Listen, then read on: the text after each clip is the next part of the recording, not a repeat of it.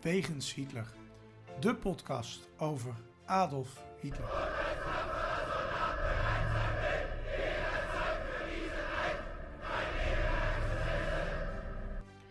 Dictator, alleenheerser van 1933 tot 1945. Een man met miljoenen doden op zijn geweten. Das war ein Befehl! Der Angriff Steiners war ein Befehl! Een man waar ongelooflijk veel verhalen over te vertellen zijn. Ook al die jaren na zijn dood. Herr Adolf Hitler heute Nachmittag seinen Befehlsstand in der Reichskanzlei bis zum letzten Atemzuge gegen den Bolschewismus kämpfen für Deutschland gefallen ist. In deze podcast gaan Sjoerd de Boer en Niels van Andel de wegen van Hitler af. Ze kijken naar bijzondere plekken, naar vroeger, naar nu. En ontdekken samen met de luisteraar het bijzondere verhaal van de Führer van Nazi-Duitsland. Sjoerd, daar zijn we weer. Het is gewoon een maand geleden. Het is lang geleden, Ja. het is lang geleden. Was dat niet een liedje? Ja, het is zo lang. Maar ik ben geen zanger. Het is geen zingpodcast. Nee, dat is ook geen goed lied. Nee.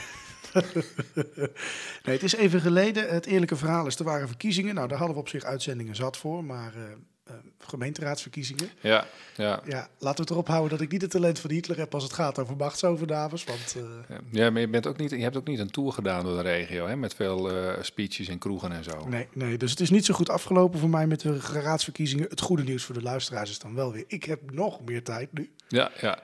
En minder macht. En minder macht. Dus het is echt aan alle kanten positief voor de luisteraars. Maar goed, alsof dat nog niet genoeg was, toen kreeg ik corona. En daar eh, heb ik behoorlijk de nawee van. Dus dat is eigenlijk de verklaring waarom wij een tijdje uit de lucht geweest zijn. Als de luisteraars deze podcast horen, is het 1 april. Ze denken natuurlijk dat het een grap is. Ja, maar we zijn er echt. We zijn er echt. En ehm, ehm, nou ja, goed, inmiddels eh, hebben jullie alweer een uitzending gehad. Maar dat was de reden dat er even drie weken geen uitzending was. Eh, we gaan het weer eh, oppakken en ons best doen om dat eh, weer te voorkomen. En ik voorzie al dat er een meivakantie aankomt. Dus we moeten echt. en we hebben daarna ook nog, zijn wij allebei in Berlijn. Ja, ja, ja. Daar kunnen we misschien wel iets leuks mee doen. Ja, precies. Maar daar moeten we even over denken hoe we dat kunnen doen. Wij moeten ons even onder de groep uitwurmen. en dan gaan we gewoon stiekem ergens van allemaal kattenkwaad uithalen natuurlijk. Wij kunnen een, podcast. een, een podcast opnemen in Berlijn. Dat kunnen we doen. Maar dan moeten we wel veel materiaal meenemen. Ah, neem gewoon even de microfoontjes mee in de koffer. Dat komt goed. Dat doen we. Ja, gaan we Gaan daar echt midden op de markt of zo? Ja, jij gaat wel even Nee. overleggen met mijn collega daarover dan, hè, voordat ik op mijn kop krijg. Collega, hoezo? Ja, voor je het weet. Veel collega's heb je alleen maar last van. Ja, dat is ook waar. Sjoerd, wat zakelijke mededelingen dus, eh, waarom we eventjes uit de lucht waren. Eh, we zijn niet verdwenen, niet zoals onze collega's eh, van die andere Hitler-podcast. Die zijn nu echt al een jaar verpleiten, dus wij blijven. Jammer, jammer, jammer. Ja, ik vind dat enorm jammer nog steeds. Ik mis ze. Dus als jullie luisteren, kom terug. Eh, oh nee, dat is concurrentie. Blijf weg. Ja, of uh, laat eens wat van je horen, maar Ja, ook. Precies, je mag ook incorporeren. Ja, heel gezellig. Ehm, wij hadden een mok beloofd, alweer een tijdje geleden. Ehm, en we hebben een winnaar, dat is eh, Nick Spaan. Die heeft mij een eh, berichtje gestuurd via de WH Podcast ehm, Instagram. En Nick die, gaat van ons de mok ontvangen. Nick, ik hoop dat je nog luistert, want we hebben je adres niet. Dus je moet wel even je adres nog naar ons toesturen. En dan komt zo snel mogelijk een prachtige Wegens Hitler, de podcast mok. En er was nog een hele lijst hè, met, met de andere mensen die het Ja, ook goed hadden. het Het, ging om het, eh, eh, het eh, regiment van... Van Hitler. ja, ja, Ja. nummer 16. En dat ging om het listregiment, wisten ze ook nog te vertellen, heel veel. Dus op zich was het een inkoppertje voor de kenner. Het was wel een makkelijke. Maar dat maakt niet uit, want we hebben nog een mok weg te geven. Maar ik heb nog geen uitslag daarvan. Nee. Maar deze mok is in ieder geval weg. En eh, nou ja, binnenkort zullen we vast nog wel een mok eh, beloven. Of eh, wie weet heb ik weer andere leuke merchandise bedacht. T-shirts, Ja. zwembroeken, handdoeken. Voorop, lekker Mhm. voorop op het strand met zo'n grote rode handdoek met zo'n witte cirkel. Dat wordt populair. Ik weet het Ja, zeker. ik zag een hele dubieuze waar ik wel om moest lachen. De, een t-shirt waarop stond wie A zegt, moet ook Dolf zeggen. Ik denk wel dat het, die, die andere podcast heette Adolf. Daar was die wel heel Ja, geschikt daar voor was die, ja, daar was die, ja, ja, ja. Hartstikke leuk. Dat is misschien wel iets voor Poetin. Precies. Sjoerd, eh, deze podcast nemen wij op in een tijd dat eh, nou, ehm, er ook al een maand oorlog is. Volgens mij zijn wij net voordat die oorlog begon, zijn wij eh, gestopt met opnemen. Ja, denk ik, ja. En ehm, nou, er is nu gewoon al een maand vechten en, eh, en ellende daar. Ehm, ook weer vandaag in het nieuws dat die oorlog daar wel eens kan gaan stoppen. Rusland trekt zich terug op eh, bepaalde gebieden, eh, heeft hij gezegd. Dus het kan wel zijn dat we de hele podcast gewoon, die hele oorlog gewoon skippen in deze podcast. Maar eh, En we, randen, we, we, we, we raken de randen een beetje aan, hè? In Ja, het begin en aan het einde even. Ehm, dat betekent wel dat die oorlog natuurlijk weer terug moet komen straks, later in deze podcast. Maar we gaan eerst maar eens eventjes naar eh, het eerste onderdeel van onze, ehm, ja, onze uitzending. En dat is Hitlers dagboek. Nein, nein, nein, nein, nein, nein! Hitlers dagboek. Waar was hij op welke dag en waarom? Ja, Sjoerd, we gaan naar 1 april 1943. Ja, ja, Adolf Hitler zit op de Obersalzberg. Ja, en het lijkt me echt een man die van de grappen was. Van de grappen. Ja, 1 april, hè? Kijk in je Oh beeld. ja, ja, nee, ik, ik weet niet. Was dat, was dat populair in die tijd in Duitsland? Misschien was Hitler sowieso wel een grap. Ja, nou laten we het hopen. Dat dan op een gegeven moment zijn masker afging en zeggen: Ik ben Ralf Inbaar. Oh, nee, ken je Ralf, Ralf Inbaar Nee, eigenlijk nog? Nee, niks. een bananasplit. Die deed, nou, laat maar. Ja, het is, Voor ja, de ik oudere weet dat Frans luisteraar. Bauer dat eh presenteerde. Ja, dat weet ik. En mijn ouders vonden het heel leuk. Ja, precies. Maar ik keek toen nog naar de Teletubbies. Toen, zo oud was ik toen.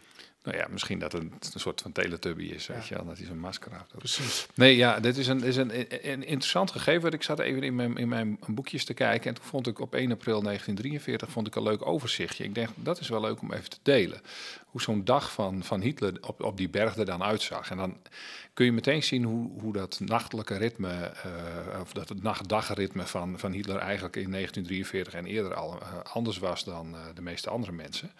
Kijk, hij, hij, het is, het is, de dag begint dan om 12 uur s'nachts, weet je wel. Dus dan beginnen ze te tellen in dat overzicht. Dat is dan wel weer leuk, want om 2 uur 10 s'nachts gaat hij slapen. Zo begint eigenlijk, zeggen hij heeft daarvoor is, hij wakker geweest en hij gaat dan slapen. Eh, om 11 uur s ochtends, hij neemt er de tijd voor, dan, eh, dan wordt hij weer gewekt.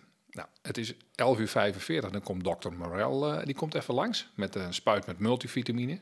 Hij moet even op de been, het doet me een beetje denken aan Herman Brood of zo, maar dan met wat vitamines, zeg maar. Ehm, om 12 uur gaat hij lekker ontbijten. Hij heeft nog niks gedaan.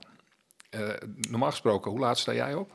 Nou, niet vrijwillig, maar om 7 uur. Ja, ja dan, dan heb je er al een hele werkdag op. Ja, om was 12 uur, eh, dan gaan wij net begin- ons boterhammetje op school. toch? Ja, en hij begon aan zo'n ontbijt. Nou, maar kijk, wij hebben dan ook geen militaire be- bespreking om half één. Hè? Die had hij wel. Nee, precies. En, en die, Dan moet ik zeggen, op het moment met die leerlingen, met die corona, het is net oorlog. het, is, het, het- het lijkt er wel wat op, ja. Nou ja, goed. 13 uur 45, we gaan verder. En dan, eh, toen, op die dag, op, op 1 april 1943, ra- reikte hij een ridderkruis aan aan een Italiaanse generaal. Die heette Italo Garibaldi. En vraag me er niets over, want ik ga snel verder. Zoveel vragen inderdaad. Waarom een ridderkruis voor een Italiaan? Maar goed, we gaan Ja, door. nou ja, de- er waren wat Italianen ook eh, aan het vechten in Rusland op dat moment, dat weet ik wel. Eh, dus nou ja, goed. Ehm, om ehm, twee uur heeft hij een bespreking met Geuring. Ik weet niet waarover. Dat is een beetje jammer. eh, maar goed, dat kunnen we misschien nog uitzoeken. Misschien weet een, een luisteraar dat. Goed voor een mok. Of Ja, hebben, precies, we, hebben we geen mokken meer? Nou, we hebben mokken Nee, deze is heel moeilijk hoor. Als ze dat weten, dan, eh, Maar dan kunnen wij dat dan controleren als jij het niet weet. dan kunnen we het nazoeken. Ja, Ja, dus we hebben een obscure website waar dat dan op staat, gemaakt door diezelfde persoon ja natuurlijk. precies. Ja, Nee, ik stel voor dat we de mok doen voor een wat toegankelijkere vraag. Ja, ja, nee, dat lijkt me ook goed. Dan doen we deze niet. Ik geloof Oh. dat jouw koffiemachine Ja, begint, ik- eh, ik het begint te maken. Nou, Ik denk, en weet je hoe dat komt, Sjoerd, dat mijn koffiemachine herrie begint te maken? Ja? Want we gingen het net hebben over zijn middageten. ja, ja de, de, de, 14 uur 40, dan doet hij het, het, het, het middageten. Eh, ja. eh, hartstikke leuk. Daar is hij wel even mee bezig. Na het eten doet hij altijd een... Het gaat ook Zeg, gewoon door, hè? het is fantastisch, Het is echt dat- dat ongelooflijk. Maar dit is, ik denk echt, het is het lot dat tegen ons speelt. En dit is altijd zo'n moment dat we ons afvragen, gaan we het erin laten? Maar ik vind, omdat we het toch over het middageten hadden, vind ik het wel sfeervol achter. Ja, en dat rekt de uitzending ook een beetje. hè. Precies, dus Dat, weer eh, vijf seconden erbij. Traditioneel. Ik ga door. Ik laat mij niet van mijn pad brengen. Ehm, na het middageten ging hij wandelen. En dan liep hij vaak eh, bij de Berghof eh, naar beneden. ehm, een beetje langs de bosrand. En dan ging hij naar een theehuis aan de Mooslaner Kop. Niet te verwarren met het ding dat bovenop de berg stond. Ehm, nee, hij ging meestal naar beneden. En daar zat hij dan eventjes met zijn eh, vriendjes zat hij te praten. Om kwart over zeven en dan is hij waarschijnlijk alweer terug in de, ber in de Berghof. Eh, dan heeft hij wat privé-tijd. En dan om half tien komt er nog een mil- militaire bespreking. En dan gaat hij door tot kwart over twee s'nachts. En dan welt, we- wenst Adolf Hitler zijn mensen een goede nacht. Ik vind die man niet zo hard werken. Twee besprekingjes, hè? Ja, En die en- laatste duurde niet tot kwart over twee, hoor. Want dan zat hij nog na met zijn mensen en dan Ja, zat hij in de, in de, tuurlijk. en zat hij te praten. En dan, eh, nou ja, dan, eh, dat, dat, dat was, dat, laten we zeggen dat het ook een, een uur duurt of zo, weet ik veel wat. Anderhalf uur max. Nee, maar goed, ik denk niet. Dit, maar het, is, het geeft wel een beetje een beeld van hoe zo'n dag van Hitler was. En vooral ook, hij is een erg eh, bekend stond hij als nachtmens. Hè? Ja. Het schijnt ook dat ze hem op eh, die day bijvoorbeeld niet hebben durven te wekken. Want dat, dat, ja, die aanval begon op een tijd dat de vuren net lekker lag te snurken. En, eh, En toen was hij ook op de ba- Obersalzberg overigens. oh, nou, Ja, dan, dat toeval. klopt. Ja, toeval, ja, ja. toeval, toeval. Nou, eh om dat bombshell met zijn agenda eh, gaan wij snel door naar het volgende. Want we hebben een ongelooflijk interessante plek. De plek. Een bijzondere plek of verhaal over Hitler. Ja, ehm, we weten allemaal, denk ik, als je naar deze podcast luistert, dat in de tijd dat Hitler ehm, actief was, dat Duitsland ook een groot deel daarvan een republiek was. Na de Eerste Wereldoorlog verslagen, de, ehm, de keizer toen de tijd, Wilhelm, moest aftreden. En nou, het is een republiek geworden. Maar daarvoor ook al, Europa was onrust, er was van alles, het volk wilde inspraak. Ehm, en daarom moesten er allemaal parlementjes komen. Eh, en die kwamen er ook eigenlijk in heel Europa zo'n beetje. Ehm, ik, ik kan mezelf niet echt een land nu opnoemen waar dat niet zo snel gekomen is. Eh, ook Nederland, hè, eh, allemaal parlementen gekregen. Allemaal, allemaal die Nederland en, en Engeland waren wel voorlopers. Wij waren wel voorlopers Ja. inderdaad, maar Duitsland was niet zo vroeg. Die hele revolutie zag je wel komen. Dat, dat, dat iedereen, het volk wilde toch meer inspraak. De, Mhm. de, de alleenheerschappij van een keizer of een koning werd minder geaccepteerd, steeds meer. Nou, en ehm, daarom leek het ons leuk om het te gaan hebben over de ehm Rijksdag. Dat is ook een gebouw dat best wel belangrijk is in de machtsovername van Hitler. Ehm, uiteindelijk. En hij is uiteindelijk op democratische wijze aan de macht gekomen. Ja. Als ik mij niet vergis. Wel wat opgerekt, die democratie, maar prima.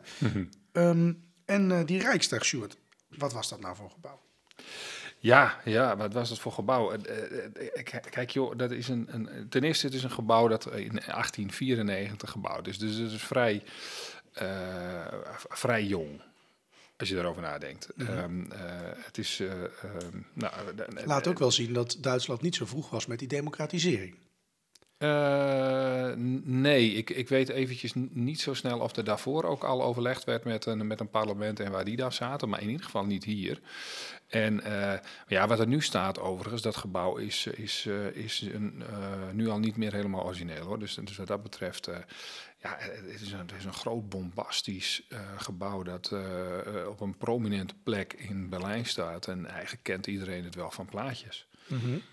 Is, is, want het is, het is wel platgebrand hè, in de Ja. twee, Ja. in de, net voor de Tweede Wereldoorlog, een jaar of zes. Mhm. Is, is wat er nu staat, is, dat is niet origineel. Dat kan ik me ook wel voorstellen. Heel Berlijn is plat gegooid, dus Mhm. het is weinig origineel. Is het wel herbouwd zoals het toen was? Weet jij dat? Eh, ja, dat is wel herbouwd. Ja, ja, daar komen we straks ook nog wel op. Ja. Ehm, er schijnt een, ehm, als je een eh, rondleiding neemt bij die Rijksdag, ik ga hem nemen van deze meneer, want ik, ik wil dit nu gewoon weten hoe dit zit natuurlijk. Maar er is daar dus een rondleiding van een Poolse gids en die eh, houdt vol dat de Rijksdag op eh, Poolse grond staat. Ja, ja, laat ik dat nou toevallig weten. Oh, nou, fantastisch. ja wat, wat, hoe kom je daarbij, joh? Nee, dat is, dat is een beetje overdreven en dat weet die gids ook. Dus dat is niet zo, dat is niet zo erg. Eh, hij, hij die vertelt dan, die gids die vertelt dan over een Poolse graaf... die, die zeg maar voor 1894, ruim daarvoor... want dan werd ook nog wat ge- gebouwd en zo. Ehm eh, dit was een graaf en een diplomaat en hij was ook kunstverzamelaar. En die kocht op die plek, waar de Rijksdag nu stond, sto- kocht hij een huis. En eh, ja, op het nummer Unter den Linden nummer 21. Nou ja, voor de liefhebber, eh, dat kwam ik tegen. Ehm, en daar stichtte hij ook een, ga- een- een galerie. En ehm, dan op een gegeven moment wordt dat, wordt het huis in 1874 verkocht aan de staat. En dan begint het interessant te worden. Want tien jaar later begint dan de bouw van de Rijkstaak. En die, dat is dan zeg maar eh, na 1874, is dat, duurt het dus nog, eh, eh, na, nadat de bouw begint in ieder geval. Dan heb je het 1884, dan duurt het nog tien jaar voordat die klaar is. Ja, Dat is een heel ander verhaal dan de Rijkskanselarij. Die zou namelijk binnen eh, twee jaar gebouwd zijn door Albert Speer. Ja. Maar daar hebben we wel eens wat over gehoord dat Precies. het toch wat overdreven was. wellicht wat overdreven. En die was ook wel een stukje groter, eh, dat gebouw. Eh, dat durf ik niet te zeggen. nou, Eh, ik wel, ja, wel een, stuk, wel een stuk langer in ieder geval. Eh, ja, dat, dat, die Rijksdag lijkt, altijd zo lomp, hè? Ja. Het is zo, zo hoog. En Nog een kolossaal gebouw. ik denk dat de Rijkskanselarij wat groter was, ja. Nou ja, dat zou haast wel moeten, want Hitler die wilde alles groots. Je zou bijna denken dat het niet anders kan. Maar ehm, we zouden de maat eens op moeten zoeken. Ehm, wellicht, eh, kijk, dit is nou een vraag voor een mok. Was de Rijkskanselarij, Ja, Grote- qua vierkante meters of wat hoogte. ja, nou qua inhoud, hè? Dus eigenlijk qua inhoud, groter dan, ehm, dan eh, dat, eh, de Rijksdag. Hey, dan staat er in dat ge- tien jaar bouwen, dan staat er ineens zo'n kolossaal gebouw midden in Berlijn op een prominente plek. Met daar de prachtige tekst Dem Deutsches Volke op. Ja, nee, niet. In het begin niet. Eh, je hebt natuurlijk verteld al van het keizerrijk. Hè? Mhm. Je hebt, en dat is, het, dat is het aardige van als je, als je ehm, voor eh, de Rijkstaak staat en je kijkt naar de Brandenburger Tor, nou ja, dan kun je er onderdoor lopen. En dan, als je dan helemaal aan de andere, andere kant van de, van de uh, Unter den Linden bent, dan stond daar het keizerlijk paleis. Dat heeft er heel lang niet gestaan, dat is weg geweest. Ehm, daar heeft het DDR-regeringsgebouw, en dan mocht het volk ook naar binnen en zo, er waren ook nog wat andere dingen te doen, uh, heeft daar gestaan. Dat is weggehaald, al, heeft opengelegen. Um, uh, er is eigenlijk niet zoveel mee gebeurd. Want dat oude paleis, dat was, aan het eind van de oorlog was dat uh, nou ja, zo kapot, het moest weg. Dus mm -hmm. dat hebben ze weggehaald. was ook het oosten van, het, van, van Berlijn, dus dan normaal ze daar niet om. Nee. historie. Hoe, Stalin had geen behoefte aan een mooi paleisje in Berlijn. Nee, nee, in ieder geval niet op die plek. Dat mocht ook wel plat, dus het maakt allemaal niet uit. En nee, maar daar stond dus dat, dat paleis. En dat is nu herbouwd. Dus dat is wel heel leuk om, te, om, om, om, nou ja, om, om dat te, zien. Um, het is nu ook klaar. Je kunt volgens mij ook naar binnen nu. Um, maar wat het punt was, dat die Rijksdag die dreigde hoger te worden dan het ge gebouw van de keizer. En dat is natuurlijk niet leuk. Als je het om mm -hmm. symboliek had, dat vond uh, de Duitse keizer was het daar niet helemaal mee eens. En die wilde ook niet dat er zo'n zo'n zo'n zo'n spreuk boven komt staan, kwam te staan, die ook nog bovenin het gebouw een beetje staat, Dem Deutschen Volken. Dat is uh, ja, dat er volk zeg maar boven de keizer staat. Dat was mm -hmm. natuurlijk niet de bedoeling. Dus dat is ook. Um, uh, dat is dat, ook eigenlijk niet gebeurd. Dat laat ook wel zien dat Duitsland er anders in stond. In Nederland bijvoorbeeld stond de koning al lang niet meer boven het volk. Nee. Het nee. volk had de macht met het parlement nee. en de feitelijke macht van de vorst was al weg. Het zou ook niet zo lang meer duren. Die keizer die zat nog een, een, een, een paar tientallen jaren en toen was het uh, nog niet eens, denk ik. En toen was het ook alweer ja, voorbij. Wat, wat, dat betreft is het vrij wonderlijk. Duitsland is maar heel lang, echt een, heel lang eigenlijk niet een keizerrijk geweest en ook maar heel kort. Ja, het is sowieso een wonderlijke geschiedenis waar je eens in moet duiken. Dan word je echt. Uh, uh, het, is, nou ja. het is ver buiten onze scope, maar eigenlijk wel leuk om een keer te onderzoeken. Maar goed, we noteren ja, hem op de longlist. Ik denk dat je dan. Ja, op de longlist en er worden verschillende uitzendingen. of uitzendingen, afleveringen. Precies. Hey, um, dat gebouw, hè, dat, dat, jij noemt net die strijd tussen mm -hmm. die, die twee partijen, de, de, de vorstelijke macht, de, de macht van het volk. Um, ik kan me zo voorstellen dat het heel veel, eigenlijk niet heel veel gebruikt is. Heel veel landen kenden parlementen ook voor die tijd, maar dat was eigenlijk meer voor de sier. Um, in de jaren twintig is in ieder geval zeker in die Weimar-republiek, dus nadat de keizer is weggestuurd, werd dat gebouw gebruikt. Ja, ja, ja. En, en wat, wat ook wel aardig is om te weten, als je het over de Weimar-republiek hebt, dan heb je het balkon van de Rijksdag. Daar is op 9 november de republiek uitgeroepen door een uh, Philip Scheideman. Uh, uh, er wordt ook wel gesproken over een balkon aan de andere kant van de stad. Dat is namelijk bij, bij, het keizerlijk paleis. En dat zullen misschien wel twee verschillende situaties zijn geweest. Dat moet ik, dat, dat spijt me dat ik ook daar niet precies in ben. Maar daar is ook iets gebeurd. Op 9 november in ieder geval moet dat ook op het balkon van de Rijksdag gebeurd zijn. Uh, correct me if I'm wrong. Um, uh, uh, dan, dan, ja, weet je, die, die republiek die werkte eigenlijk niet zo goed. Er, vinden gewoon acht keer verkiezingen plaats. Er zijn heel veel problemen. Versailles is er één van. Hè. Mm -hmm. Hitler had een hekel aan, aan dat contract eigenlijk van Versailles. Waarin onder andere geregeld wordt dat na de Eerste Wereldoorlog heel veel herstelbetalingen gedaan moesten worden.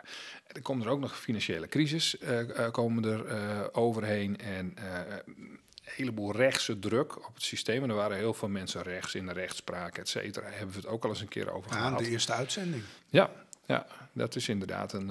ja. en, dan, en dan komt die beurskracht in 1929. En dan wordt die druk maximaal, want dan begint Hitler, de partij van Hitler toch weer te groeien. Ja, de, wat ik me altijd nog een beetje herinner ook van de geschiedenislesjes was, nou, het ging eigenlijk wel redelijk met Duitsland na de Eerste Wereldoorlog tot die economische crisis. Natuurlijk waren er wel strubbelingen, maar toen die crisis ja. begon, toen, toen was de staat failliet. En um, Toen konden ze Ja. herstelbetalingen niet meer doen. En toen ging het echt mis. Hè? Ja, en, en, en, en, en ook de, de, eh, de sociale onrust en zo, zeg maar. Ook, ook dat gedoe tussen communisten en, en, en, eh, en, en, en de rechter, de, de nationalisten. Dat werd ook wat rustiger, zeg maar aan het eind van de jaren dertig. En ja, dan komt inderdaad die, die financiële crisis. Ja, maar je kunt je dat ook wel voorstellen. Als we nou even over rechts hebben. Hè? Ook in Nederland zie je dat. Hè? Eh, tijdens die coronacrisis groeiden die anti-partijen heel erg. Die crisis is nu nou ja, niet voorbij, maar we hebben het er nooit meer over. Hè? Hij bestaat niet meer ineens. Ehm, je ziet dat die partijen imploderen weer. Hè? Die, die, de, de forums die, die gaan nu iets nieuws zoeken. Die proberen nu op Rusland te scoren. Verkeerde zet gedaan dan. Maar Ja, ja, ik geloof dat men daar toch niet zo heel erg intrapt. Nee, maar ik, bedoel maar aan te geven, je ziet dan, hè, als, er, als, er, als er niks is om ontevreden over te zijn, waarom zou je dan achter zo'n partij aan gaan lopen? Eh, ja, maar goed, uiteindelijk is er altijd wel Iets, ergens iets ja. in een periode om ontevreden over te zijn. En ik moet zeggen dat, dat, dat eh, weet je, het, het, volgens mij was het ook geen vetpot in Duitsland voor heel veel gezinnen. Nee. Dus dat, eh, dat bleef ook wel. En dat, dat, of Hitler dat heeft opgelost, dat is ook nog weer een tweede. Nee, precies. Ehm, nou, we hebben het over die partij van Hitler. Ik vraag me dan openlijk af, waarom zou je er voor die tijd achteraan lopen? Maar op een gegeven moment is er in ieder geval aanleiding. Het gaat heel slecht met Duitsland. Er is honger, er is inflatie, waar wij nu nog steeds... eh, nou, wij denken dat 8% veel is, maar het was daar wel iets meer. Hè? Dat je gewoon elke dag je loon moest krijgen om brood te kunnen kopen. Kun je er boven de 100% uitkomen? Eh, geen idee. Dat schijnt niet te kunnen, toch? Eh, of kan dat wel? Waar hebben we het nu precies over? Inflatie, dan kun je toch boven de 100% komen. Waarom zou dat Ja. niet kunnen? Ja, dat vind ik altijd zo lastig bij procenten. Ja, nou, het kan. Maar het- 100% van meer dan wat 100% dan? korting kan niet. Maar, eh, maar, maar- meer dan 100% inflatie wel wordt gewoon Ja. twee of drie keer zo duur. Ja, ik vind dat altijd heel ingewikkeld. Ja, daarom, daarom geef Je je, hebt alles al en dan, hoe dan? nou goed, dat is dan weer de taalkundige antwoord. Ik heb geen verstand van cijfers. filosofie. filosofie. Ehm, die partij van Hitler, die groeit weer. Dat noemde je al. Ehm, maar hoe, hoe deden die mannen dat nou in, de, in het parlement? Wat, wat moet ik me voorstellen? Ja, nou ja, er zijn een paar verhalen over. Ik ga niet aan. Het is een heel ingewikkeld gedoe allemaal. Eh, eh, je hebt sowieso weer veel verkiezingen, ook, ook na 1929. En niemand die lijkt het eens te worden met elkaar. Dus er moeten natuurlijk bondjes gesmeed worden. Maar eh, als, als een paar grote partijen dat niet willen, en dan, ja, dan, dan, dan, moet- dan heb je kleine meerderheden en, en, en dat soort gedoe. En dat levert heel veel gedoe op. En wat heel leuk is om te zien, ehm, eh, nou leuk, ja, ik weet het eigenlijk niet. Maar ik moet er eigenlijk wel om grinniken. De, eh, in augustus 1932 dan komt Herman Geuring, die wordt voorzitter van de Rijksdag. Nou, als je iemand niet voorzitter moet maken, dan is het wel Herman Geuring, want die doet gewoon lekker wat hij zelf wil. En ehm, nou, daar is een heel interessant verhaal over. Ehm, en dat, is, dat speelt in september, daar vlak na. Geuring, moet je wel weten, die stelde daarvoor eigenlijk eh, politiek gezien niets voor. Die, die had allerlei persoonlijke problemen. Eh, zijn vrouw was ziek geweest en, en dat speelde ook in deze periode. Eh, eh, ehm, eh, nou, weet je, hij, hij had de morfinepot al ontdekt en da- dat liep niet zo. Totdat hij deze functie ook ging, kreeg en nou ja, goed, ook genoeg geld had om zich een beetje te onderhouden. Ehm, nou goed, op 12 september is er een bijeenkomst in de Rijksdag. En eh, dat, er zou een debat plaatsvinden over, eh, eh, over, de regering, over een ver- regeringsverklaring van het kabinet van Papen. Die was, die was de chef op dat moment. Maar het was de eerste keer dat hij de Rijksdag bijeenriep. En hij wilde de Rijksdag ontbinden. En dit is een hele interessante, want wat wilde hij? hij wilde, dat, wilde hij dat, dat kon hij doen trouwens met een volmacht van, van Hindenburg, de president van Duitsland. En wat wilde hij doen? Hij wilde de verkiezingen wilde hij uitstellen en dan noodwetten gebruiken om dictator te spelen. Geuring. Nee, dat wilde die van Papen. Oh, die van Papen. Die was, niet dat was Sorry, niet van de, dat, was, dat was geen rechtse jongen. Dat, Nee. dat- nee, dus dus dat, dat was eigenlijk de, de, de vijand hè, van. van Mhm. eh, Dat wilden de, de nationalisten wilden hem daar eh, eigenlijk wel weg hebben. Dus die gebruikte noodwetten. Dat wilde die in ieder geval, geval doen. En dat, nou ja, dat moeten ze geweten hebben. Dat was vrij opmerkelijk. Ja, noodwetten, dat kennen we ergens van, want dat heeft iemand dus later overgedaan. En daarom sloeg ik een beetje aan op Geuring. Ik dacht, eh, heeft Geuring nou de macht over Nee, het leven nee, van nee, nee, dat was toen nog niet. Nee, maar maar nee. heeft Hitler toen gedacht, Verdorie, dit is een goed idee zeg. Nou ja, dat, dat, dat, dat denk je dan. Hè? Ik, ik denk van ja, die stak die in zijn mouw, weet je wel. Eh, hartstikke voor later. Die komt er nog even uitflippen. Maar weet je, dat verhaal van Von Papen is daar nog niet afgelopen. Want er is daar een scène in de Rijksdag ook. Die Geuring die zit daar als voorzitter en die geeft dan een, op een gegeven moment een communistische fractievoorzitter het woord. Nou, dat, is, dat, is, dat zou eigenlijk moeilijk moeten zijn, maar die ging die gebruiken. Ehm, eh, die, die diende een motie van wantrouwen in tegen het kabinet. Ehm von Papen dus. En eh, er komt geen bezwaar, dus de, die motie van wantrouwen die kwam in de agenda te staan. Dat vond Geuring wel prima. Maar we deden dus de nationaal-socialisten toen, die dachten van... hé, hey, wij gaan meestemmen met de communisten voor deze keer. Want dan kunnen we het kabinet eraf uitkicken. Hartstikke handig. Von Papen inmiddels, die had een rood mapje. En dat rood mapje was ergens anders eh, beland. Dus dat had, kreeg hij te laat. En eh, daar stond het ontbindingsvoorstel voor het kabinet in. Zodat hij al die macht kon grijpen. Eh, en dat wist iedereen wat erin stond. Maar Geuring die, die doet net alsof hij Van Papen niet ziet. Die, die denkt van, nou ja, weet je, ik laat jou niet aan het woord. En dan kondigt hij een stemming van die motie van wantrouwen aan van de communisten. In plaats van dat hij Van Papen aan het woord laat. Dan loopt Van Papen die loopt snel naar Geuring toe en dan legt zijn, zijn mapje op zijn desk. En dan zegt Geuring van, ja, maar meneer Van Papen, u kunt die stemming toch niet storen? Die, en dan vertrekt Van Papen ook. Ehm, dat hoorde eigenlijk niet zo, maar eh, Geuring eh, kreeg dat voor elkaar. En wat gebeurt er dan? De, de Rij- Rijkstaak in meerderheid, die stuurt die motie. Dus dat betekent eh, dat ze het kabinet weg willen hebben. Ja, Nou ja, en dan heeft hij Van Papen wel een probleem. En kijk, daarna opent Geuring dus heel theatraal die map. En dan, en dan, en dan, dan ziet hij er een stuk liggen, en dat vertelt hij dan ook, dat ondertekend is door een gevallen kanselier en een minister van Buitenlandse Zaken die, eh, die eigenlijk gevallen is. Dus dat hoeft hij helemaal niet meer te behandelen. Dat heeft geen zin meer. Nou, daar heeft hij net zelf voor gezorgd met een handige actie. Nou, dat soort fratsen. Eh, de, de ontbinding van de, eh, de Rijksdag hoefde dan niet. Alleen eh Van Papen die kreeg uiteindelijk wel gelijk. Maar ja, die kon geen, geen, die kon, kon geen deuk in een pakje boter, meer slaan. Want ja, onder verkiezingen kon hij gewoon niet meer uit. het is eigenlijk wel wonderlijk. Ik zit me nou voor te stellen dat het in Nederland gebeurt. Hier gebeurt dat dus helemaal. Ik, ik vraag me echt af wie heeft de macht om het parlement überhaupt te ontbinden. De koning of zo. Ik, ik vind het mega boeiend. Ja, nou ja, met, met, ja. Maar wie gaat dan ook bepalen dat maar dit niet is- mocht dat- uiteindelijk? Misschien is dat wel het voordeel van, van, van een koning met weinig macht eh, Mhm. ten opzichte van een, van een president, eh Hindenburg, die wel eh, wat in de melk te brokkelen had. Ja, maar ik, ik vind het mega interessant. En ook wie, dan, wie, wie bepaalt dan dat het allemaal wel mocht? En Ja, de- mega boeiend. Ja, en ook, ik vind dat ook altijd verwarrend. Ik vind het een hele rare periode altijd. Van het vliegt van de ene naar de andere. En eh, het kost hem ook heel veel tijd om al die namen te kennen. Maar goed. Ehm, hey, ehm, nou, allemaal gesjoemel. ehm, ehm, ik kan me het allemaal voorstellen.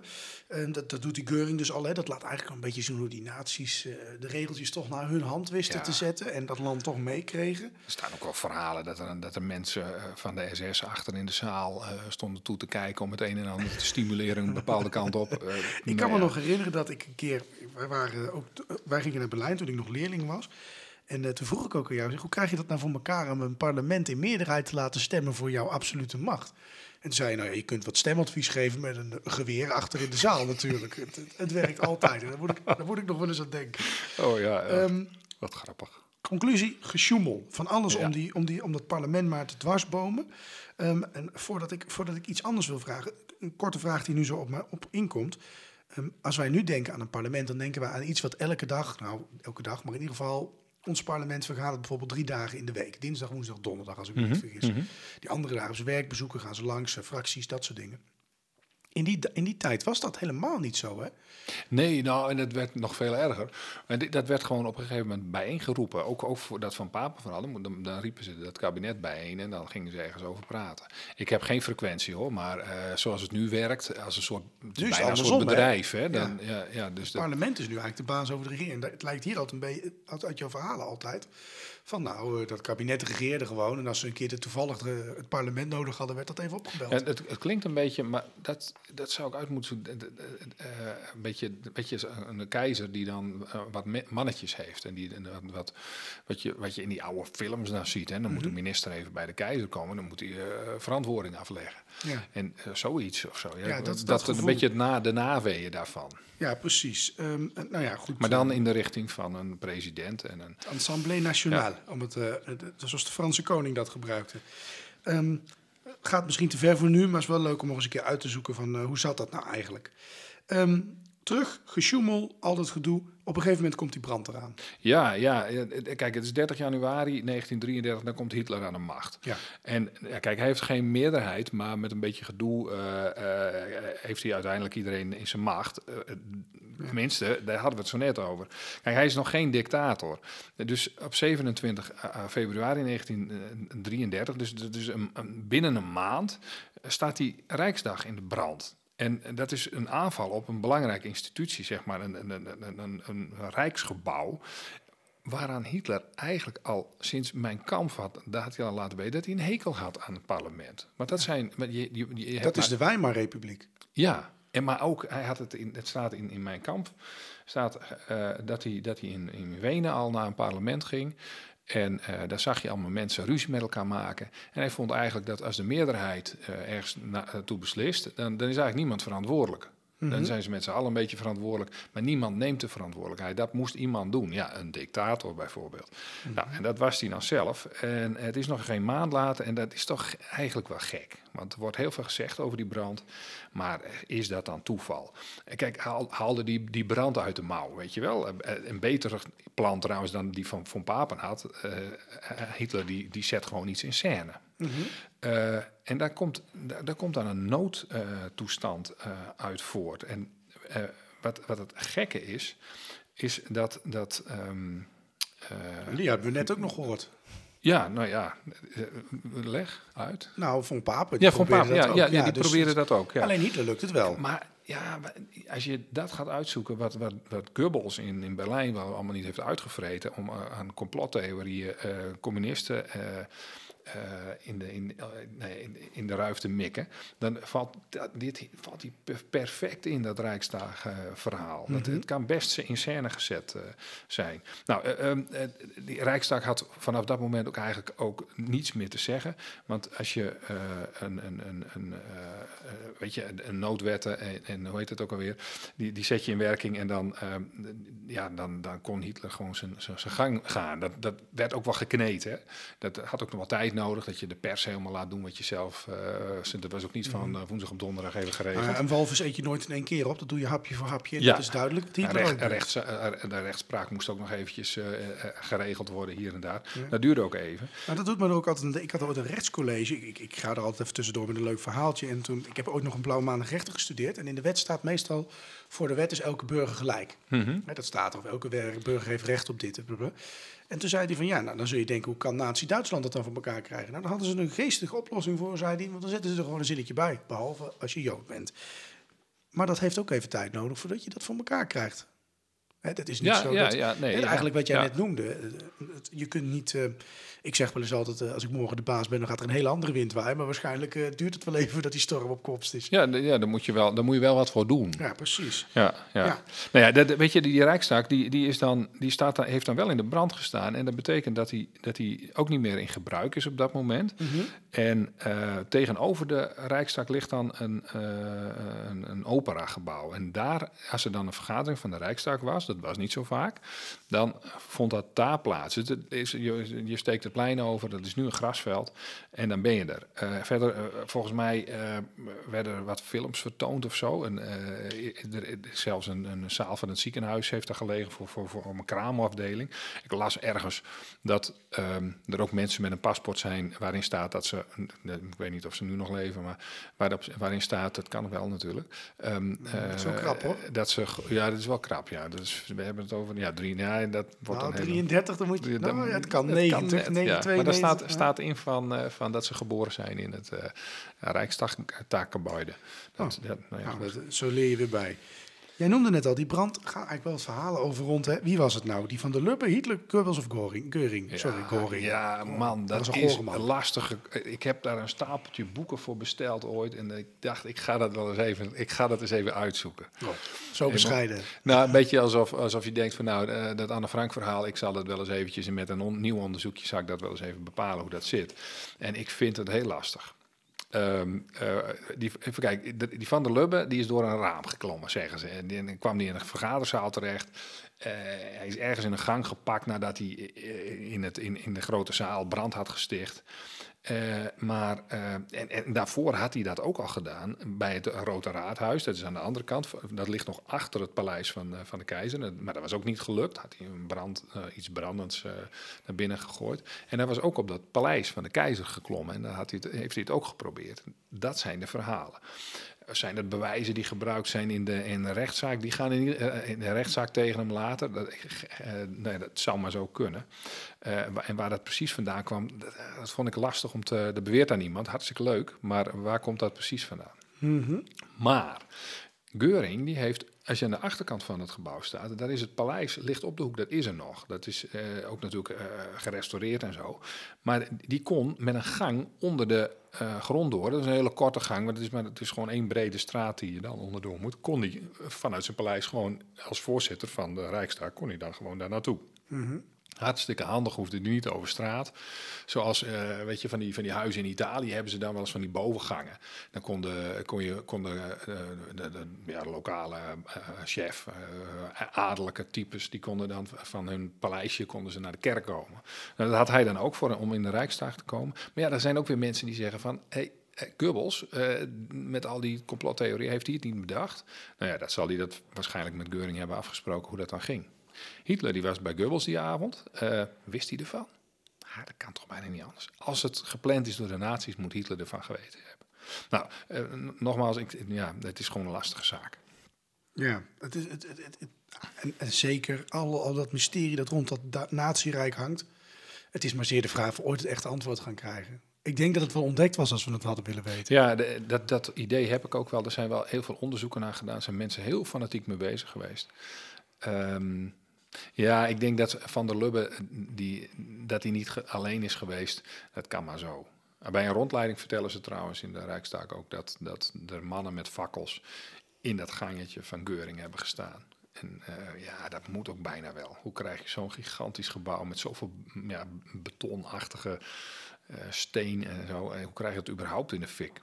Ja, maar ja, goed, er zat ook genoeg hout in die, bedra- in die panden. En Nou, meestal wel, ja. wij hebben, wij ja. hebben hele brandveilige gebouwen tegenwoordig, maar eh, dat was natuurlijk in die tijd iets anders. Ja, Eén ding weten we wel zeker. Na die brand is Hitler aan de macht. De Ja. Nationaal Socialisten gaan beginnen aan het Derde Rijk. Ehm, ehm, is dat ehm, ehm, ehm, ding nou nog herbouwd eigenlijk? Ja nou, eh, ze hebben wel iets gedaan hoor, Ehm, eh, maar, maar nooit helemaal. En, en misschien wel om, om, om, omdat ze het helemaal niet belangrijk vonden. Hitler vond dat ook niet zo belangrijk, dat het parlement eh, er weer was. Maar ehm, ja, kijk, ze hadden ook wel een reden om er niet al te veel aan, aan te doen. Want ze wilden daar dat, dat Germania, dat, dat zou daar beginnen. Dat, er werden al heel snel werden daar plannen gemaakt om daar een enorme hal neer te zetten, te zetten die, die vele, vele malen groter was dan, dan de Rijksdag zelf. Als je daar al voor staat, dan denk je nou, dat is een joekel. Nou, in de maquettes is dat een lucifersdoosje vergeleken met wat ernaast kwam te staan. Ehm, en daar werd wel mee begonnen. Dus eh vergaderen kon wel in die krolopera.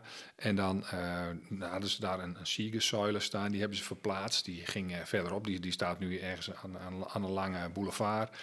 Ehm, eh, en eh, ergens in de stad is dan een ze, heeft, heeft Albert Speer die heeft, die heeft die daar neergezet om te testen of de Berlijnse grond ehm, eh, zo'n groot gebouw wel aan zou kunnen. En Ja, dat, dat ding is het nu- ook over gehad in die special. Ja, nou ja, precies. Dat ding dat, dat ligt daarin. 19 centimeter verzakt, als ik het me goed herinner. Toen maakte ik nog grapjes over dat dat niet zo groot was. Nou, dat, Nou ja. Ik herinner me dit soort dingen, Sjoerd. Ja, ja, ja, ja, ja, ja, ja. nou, eh, weet je, die bijeenkomsten, eh, als ze er dus al waren, die, die je daarna ziet, en waar ook foto's van zijn, hè, dat Hitler voor een grote zaal in een soort van kabinetsopstelling zit, die zijn dan altijd in die krolopera gemaakt. Want hij heeft eigenlijk eh, nooit echt als, als, als, als grote baas met successen vanuit Frankrijk of weet ik veel wat voor de Rijksdag gestaan, behalve dan in die krolopera. Eh, Eh, eh, tenminste, ik, ja, ik heb er wel eens naar gezocht. Hitler als spreker in de, in de Rijksdag zelf... en dan zeg maar in, in zijn, zijn eh, periode waarin hij echt macht had...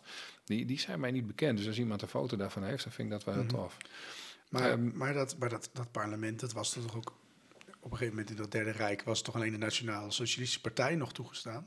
Ja, dus dat had, dat had verder geen, geen functie. Of je moest mee. Ik weet niet of alle partijen meteen zijn afgeschaft. Of er zaten ook nog wat rechtse splinterpartijen die misschien eh, de moeite niet was. Maar eh, nee, dat, dat, dat stelde niks meer voor natuurlijk. Die konden klappen.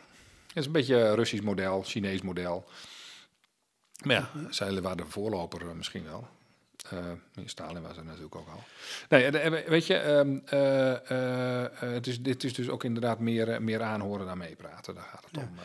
De, ehm, nutteloos gebouw. Ja. Tot aan de oorlog. En eh, dan heb je wel die gevechten om dat gebouw. Hè? Mhm. Dus dat is wel een, dat is wel een interessante. Waarom, waarom deden ze dat dan? En eh, nou ja, goed, ja, dat kun je natuurlijk ook wel een beetje raden van, van waarom zouden ze vechten om, om, om, om zo'n zo'n zo'n zo'n rijksdag. Het is natuurlijk symbolisch. Eh, sowieso dat gebouw wil je hebben, want dat is een regeringsgebouw. Niet meer in functie, maar toch. Plus, eh, het was eigenlijk vlakbij eh, de Rijkskanselarij. Het is, Ja, is het is het is een paar honderd meter lopen. Ja, precies. Dus er werd ook gewoon gevochten, omdat eh, er aan alle kanten van de Rijkskanselarij zwaar gevochten werd. En eh, heel bekend is de vlagscène. Dat is in scène gezet door de Russen dan weer. Dat, dat ze daar een Russische vlag planten. Nou, toen was eigenlijk Berlijn al gevallen. Toen hebben ze die vlagscène nog eventjes eh, overgedaan. ja, zouden we ook gedaan hebben. Prima PR. Ja, maar er is enorm gevochten om dat gebouw. Je, ziet, je kunt de kogelgaten hier en daar nog zien. Ook na de renovatie hebben ze vooral binnen hebben ze ook nog wat dingetjes en, en teksten van, van Russen en zo hebben ze, hebben ze daar eh, laten staan. Of een soort van ingelijst of zo, zeg maar. En eh, een heleboel is ook, ook, ook opgeknapt. Maar, eh, Ja, nee, het goed. zal wel hard nodig geweest zijn. Nou, dan, eh, dan komen we in de tijd dat Hitler uiteindelijk verslagen is. Daar hebben we het wel eens over gehad al. Ehm, nou, de, de Koude Oorlog komt. Eh, ik kan me voorstellen dat dat pand dan niet erg veel eh, praktische waarde heeft ge- gehad. Maar daarna eh, de Koude Oorlog. Wat is er daarna mee gebeurd? Ja, ja, nou ja, ja in, in, in de Koude Oorlog is nog even, de- de- dan, dan, dan staat dat pand, dat staat eigenlijk ehm, tegen de muur aan ongeveer. Dat staat net in het westen. En de muur die staat daar dan achter. En ehm, eh, dat is, dacht ik, in de Britse zone. Maar eh, nou ja, West-Duitsland werd geregeerd vanuit Bonn. En ehm, dat gebouw dat is wel wat opgeknapt toen. En, en heeft een of ander historisch instituut heeft erin gezeten. Eh, maar wat er ook gebeurde, is dat je had daar achter de, achter de Rijksdag, daar loopt de spree gewoon. En als je daar nu komt, en je loopt naar de achterkant van het gebouw, dan zie je daar een soort trappetje naar beneden. Dan kun je vlak bij de rivier komen. En er staan ook, eh, ik meen dat het kruisen zijn, of in ieder geval een gedenkteken voor de mensen die hebben geprobeerd om vanuit de andere, vanaf de andere kant van de spree naar de Rijksdag te zwemmen ongeveer. Westen, ja. Naar het Vrije Westen. Opvallende plekken ook. En er zijn natuurlijk ook doden gevallen. Misschien is dat in het begin nog wel eens gelukt. Maar er zijn ook eh, verschillende doden gevallen. En nou ja, dat kun je daar ook vinden. Ehm, en dan krijg je natuurlijk die herenig- hereniging. Hè, waar, je, waar je naar vroeg van wat gebeurde daar daarna. Nou, dan, dan, dan heb je het al over 1990. 1989 v- valt de muur. Maar die hereniging die duurt dan nog even. En dan wordt eigenlijk heel Berlijn ver- verbouwd. En Berlijn staat nog steeds in de stijgers. Ehm, dus dus de, de, en, en ook de Rijkstaak wordt dan aangepakt. En die is dan in 1999 klaar. Daar heeft Prince een liedje over gezongen, volgens mij. Of had dat niks met de Rijkstaak te maken? Dat weet ik verder niet. Ehm, eh, dan krijgt het toch weer zijn democratische functie. Of misschien wel voor het eerst een echte, serieuze democratische functie. eh, die ook werkt. En, eh, en het gekke is, het publiek is ook gewoon werk, welkom daar. Eh, je, je komt niet bij de vergaderzaal. Dat, daar kun je eventueel inkijken. En op vergaderdagen dan, dan is, het- is, het, is het vo- volgens mij niet eens toegankelijk. Maar eh er is ook heel streng toezicht. Ehm, eh, je kunt wel, en er is een hele mooie nieuwe glazen koepel. Ja, je bent er ook in geweest. Ja, ik ben er ook in Ja, geweest. het is wel, ik vond het wel prachtig om daar rond te lopen. Eh, en en nou ja, daar, kun je, daar kun je in. Je kunt rondleidingen krijgen, ook beneden, als er geen vergaderingen zijn. Mhm. Maar als, als gebouw met kantoren kwamen we toen eigenlijk achter, toen we daar een keer rondliepen, wordt het eigenlijk niet gebruikt. Want het is, het is kil en het is koud en het is, Mhm. dat werkt niet echt. Dus daar hebben ze allerlei gebouwen in de buurt hebben ze daar staan voor. eh, nou ja, voor Ja, het is voor niet zoals ons Binnenhof. Dat hebben we ook niet op dit moment. Maar Nee, daar heb je dus allemaal knusse, ouderwetse kamertjes met, met, Ja. met eh, hoe dat er nu uitkomt te zien, dat weet ik niet. Maar, eh, nou, hypermodern, want het kost een paar honderd miljoen. Dus eh, Ja, en, maar dat het je moet er daar denk ik ouderwets uit blijven zien, en, en, maar wel hypermodern zijn. ja. En dus dat wordt een Maar dure ik vind dat ze dat toen, ja, dat, is al, dat was al oud dan natuurlijk wat er nu stond. Maar die twee, eerst was het nog ouder natuurlijk. Ja. Hoe het nu was, dat was modern en oud door elkaar. En dat zag je dan ook echt. Ministerie van Oorlog zag je nog zitten en zo. Ja. Dat, Ik vond dat zelf heel charmant. Maar Ja, ja, Ehm. Ehm, ehm, zo zie je maar dat toch uiteindelijk de cirkel weer rond is. Het gebouw krijgt zijn oude functie weer terug. Maar ja, dat ze daar zo streng dan nog mee zijn, dat eh, verbaast me dan wel weer. Bij ons kun je het parlement zo in. ja, nee, daar absoluut niet. Ja, Nee, Dat nee. moet je maar weer zien. Hè? Dat, Nee, eh, nee, nee, anders, absoluut. niet. Ja, eh, nee, goed. Ja, weet je, het is ook, het, het is ook wel ja, in principe dat een eh, minister-president op zijn fietsje eh, de Binnenhof oprijdt. Ik weet niet hoe lang we dat nog kunnen doen. nee. Als je ziet wat er met Kaag aan de hand is en zo. het, is, eh, het kan zomaar afgelopen zijn, eh, ook in Nederland, dat soort zaken. Maar goed, gelukkig is dat nog niet zo. En zo zie je maar weer dat ook dat gebouw dus weer zijn oude functie terugkreeg. En de, dem Duitsers volken er weer met eh, trots op eh, mag pronken. De ad Hitlerum, het onjuiste gebruik van Hitlers naam. Ja, ik, ik noemde al aan het begin van deze uitzending, eh, we, we komen er niet onderuit om het weer over Oekraïne te hebben. Um, het is de hele dag in het nieuws. Mensen zullen er misschien inmiddels wel gek van worden. Uh, maar als historisch podcast hebben wij, vind ik, toch wel een functie. En ja, gelukkig, we hebben het wel eens gehad over dat uh, ons, zomaar onze ad Hitlerum onderdeel kon ondersneeuwen. Um, maar ja, het is gered door Poetin hoogstpersoonlijk. Ja, ja heeft um, hij toch nog iets goed gedaan. Hè? Ja, dat enige wat hij heeft gedaan, de Poetin, if you listen, hè, if you're listening, really great. Um, u heeft in ieder geval gezorgd dat wij weer ad Hitlerum hadden voor vandaag. Um, behoorlijk wat uh, Hitler-Poetin vergelijkingen.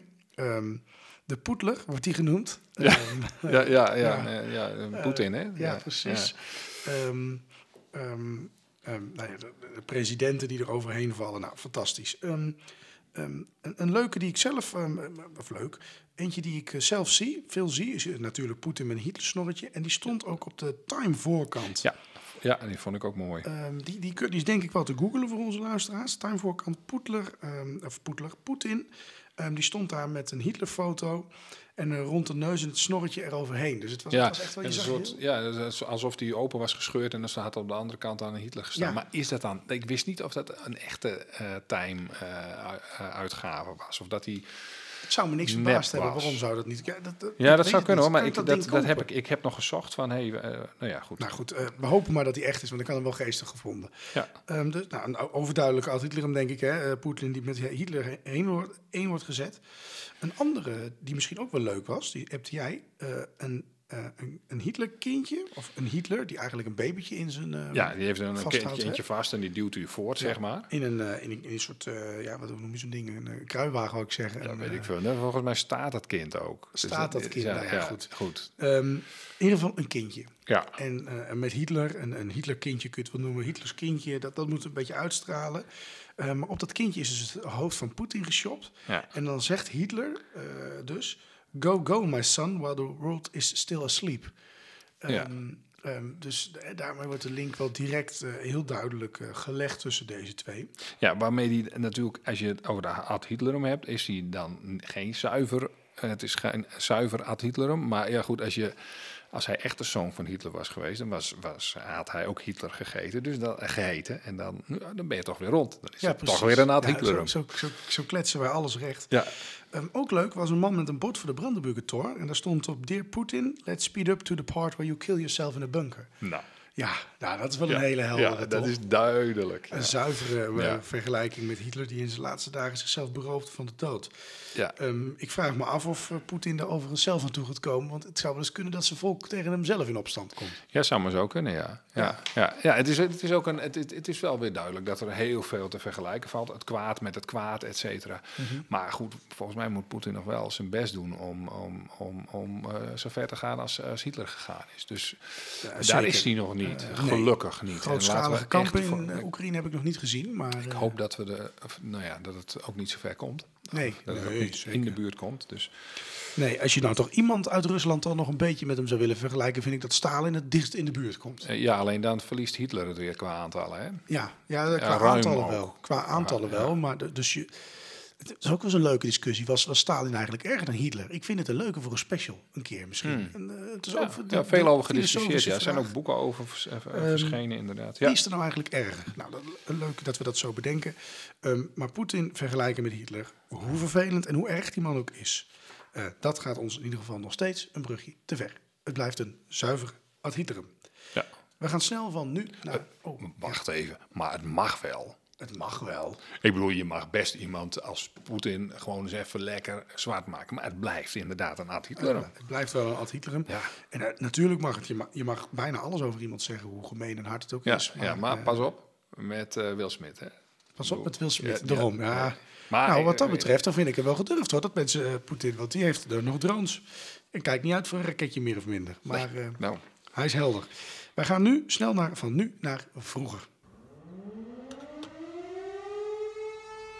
Van nu naar vroeger. Wat speelt er nu in het nieuws en hoe zat dat in de tijd van Hitler? Van nu naar vroeger, ook die gaat weer over Oekraïne. En daarna houden we er ook maar eens over op, denk ik, tot er vrede is. Dan gaan we dat weer vergelijken met vrede of zo. Ehm, maar Poetin zelf die noemt eh, de Oekraïners nazi's. En die invasie die is bedoeld als denazificatie. Ehm, nou, eh, de- zag Hitler dat ook zo toen hij zijn landen binnenviel als een soort uh, opruiming ze van slechte regimes? Ja, dan, Ja, die had hij zichzelf, natuurlijk. Hè? Dus, dus eh, ko- hij had natuurlijk een hekel aan communisten en, en, en, en Joden. Dus dat is, en dat eh, ging op een gegeven moment ook allemaal over één kam. Samen met eh, zelfs, zelfs het kapitalisme. Want daar zag hij overal zag hij daar eh, Joden opduiken, of zo, zoals hij dat zei. Maar de, de- dit verhaal is eigenlijk gewoon een oud verhaal. Je hebt, eh, Oekraïne is volledig uitgewoond door, door, door, eh, door, door Stalin.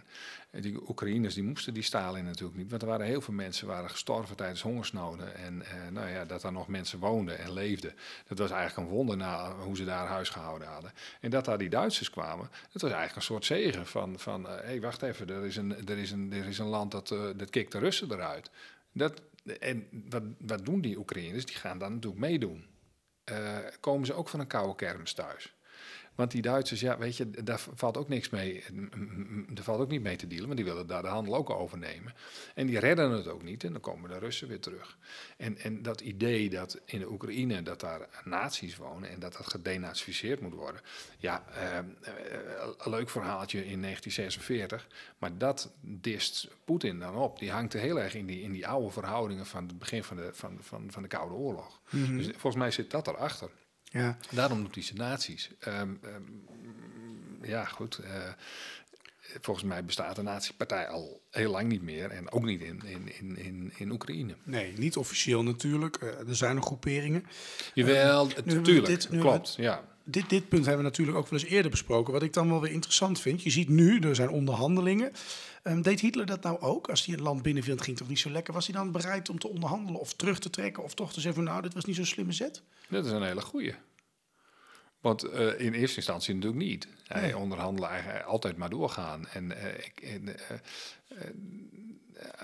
ik weet niet of daar echt. Ja, hij is. Nou ja, dat, je hebt dat natuurlijk met, met, met Tsjechoslowakije heb je, heb, je, eh, heb je het wel gehad. Hè? Dat, Maar toen kwam Mussolini even meepraten. En Er kwam iemand van- anders het regelen voor Ja, hem. waar we het ook over gehad hebben. Dus dan, dan, eh, maar dat was eigenlijk alleen maar uitstellen.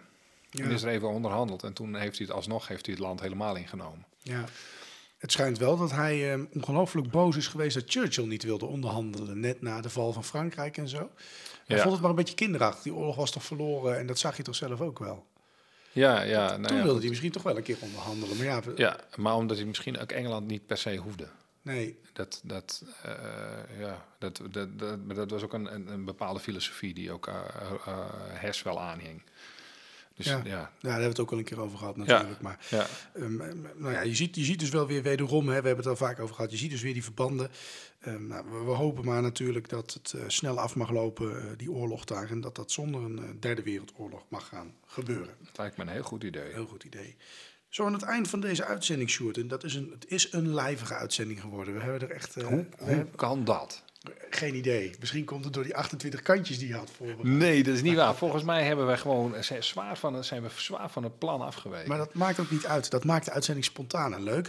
Ehm, oh, ik gooi zo hier. Nou gaat het helemaal mis aan alle kanten, Sjoerd. Maar dat maakt niet we uit. hebben ook heel veel door. bijgeluiden dit keer. Ja, Eh, ja, special effects. De woede gooien wij zo over tafel. Nou, ehm, maakt niks uit. Wij verdienen zoveel geld. We kunnen zo nieuwe laptops kopen waar koffie overheen valt. Maar eh, terug eventjes eh, naar het punt.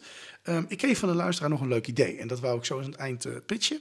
Ehm, een, een nieuw ehm, onderdeel in onze podcast toe te voegen. Het eh, lokale verhaal, wat ook met de oorlog te maken heeft. Eh, dat luisteraars iets in kunnen sturen. We hebben ook al een eerste binnen, dus ik stel voor binnenkort dan op een, een uitzending daar een eh, rubriekje aan te wijden. Het lokale eh, oorlogsverhaal. Ja, en, dan, en dan kijken of er meer mensen zijn die, die mooie, eh, interessante lokale verhalen hebben. Die dat, dan moeten ze dat verhaal ook opsturen. Ja. Kijk, we kunnen ook met een, met een microfoon even voor iemands huis gaan staan om dat op te nemen. Maar dat is best wel een klus. Dat is wel een klus, dus, Dus, misschien, eh, of misschien dat ze het insturen. Of, eh, nou, hartstikke leuk allemaal. Dus ehm, we hebben er nu één. Dat hoeft ook niet elke uitzending terug te komen natuurlijk.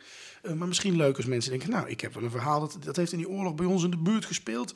Of eh, mijn opa heeft nog gevochten tegen de Duitsers in Rusland, weet ik het. Ehm, ehm, ehm, eh, dat soort verhalen, wij zijn er naar op zoek en stuur ze vooral op.